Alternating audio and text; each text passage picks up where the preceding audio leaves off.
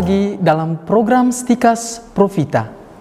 Para saudara, saat ini kita memasuki tahun kedua menjalani masa Advent selama masa pandemi COVID-19. Tentu ada banyak hal yang hilang dari hidup kita. Mungkin muncul juga kreativitas baru bagaimana kita menjalani hidup kita dengan baik yang tidak pernah kita pikirkan sebelumnya. Namun demikian, tidak sedikit pula orang jatuh dalam keputusasaan, kehilangan harapan akan masa depan karena serba tidak jelas. Tanpa mengecilkan usaha manusiawi kita dalam mengatasi persoalan selama pandemi ini, inilah saatnya bagi kita untuk meletakkan pengharapan kepada Yesus yang akan lahir. Injil-injil yang dipakai sebagai bacaan dalam masa Advent kali ini banyak bertema tentang akhir dunia. Apakah dengan berbagai kejadian akhir-akhir ini menunjuk pada masa penghancuran akhir dunia? Kita tidak dapat memberi jawaban. Bagi orang tertentu, pertanyaan ini memang selalu relevan karena kelihatannya sebagai sesuatu yang menarik perhatian karena berkaitan dengan nasib kita berkaitan dengan masa depan kita dan juga masa depan dunia ini. Untuk kita, pertanyaan tentang akhir dunia tidak relevan untuk kita. Hal yang relevan saat ini adalah bagaimana kita menata hidup kita dengan baik, sehingga kapan pun dunia berakhir, kita selalu siap sedia.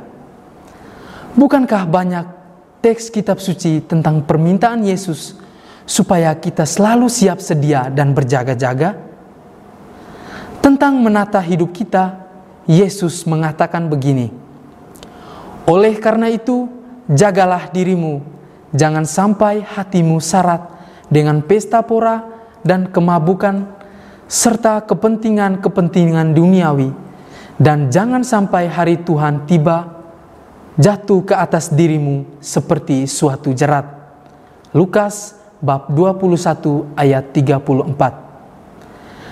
Hari Tuhan bisa datang tiba-tiba.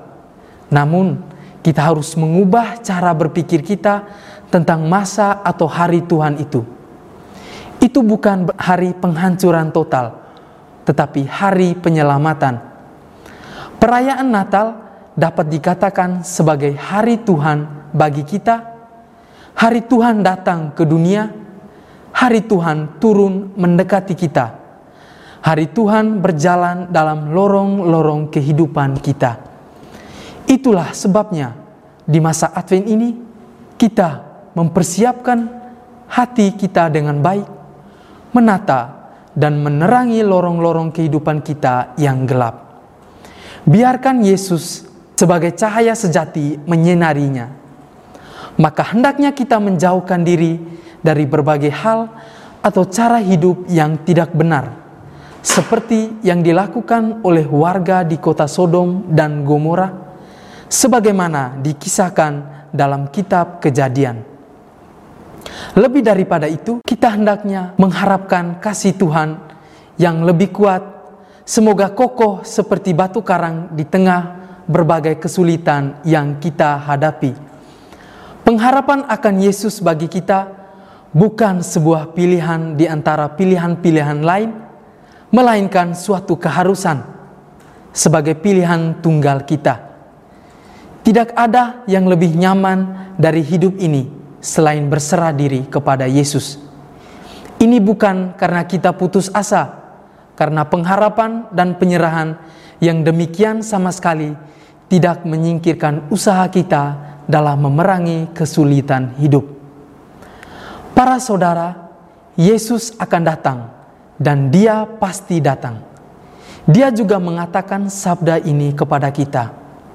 Berjaga-jagalah senantiasa sambil berdoa, supaya kamu mendapat kekuatan untuk luput dari semua yang akan terjadi itu, dan supaya kamu tahan berdiri di hadapan anak manusia.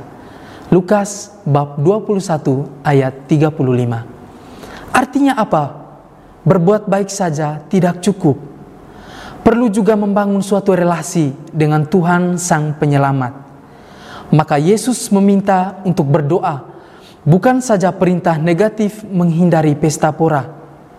Mari, di masa Advent saat dunia dilanda pandemik ini, kita menaruh semua pengharapan kita kepada Tuhan sambil tetap berusaha menjalankan hal-hal yang baik, terutama usaha-usaha manusiawi kita supaya pandemik ini segera berakhir.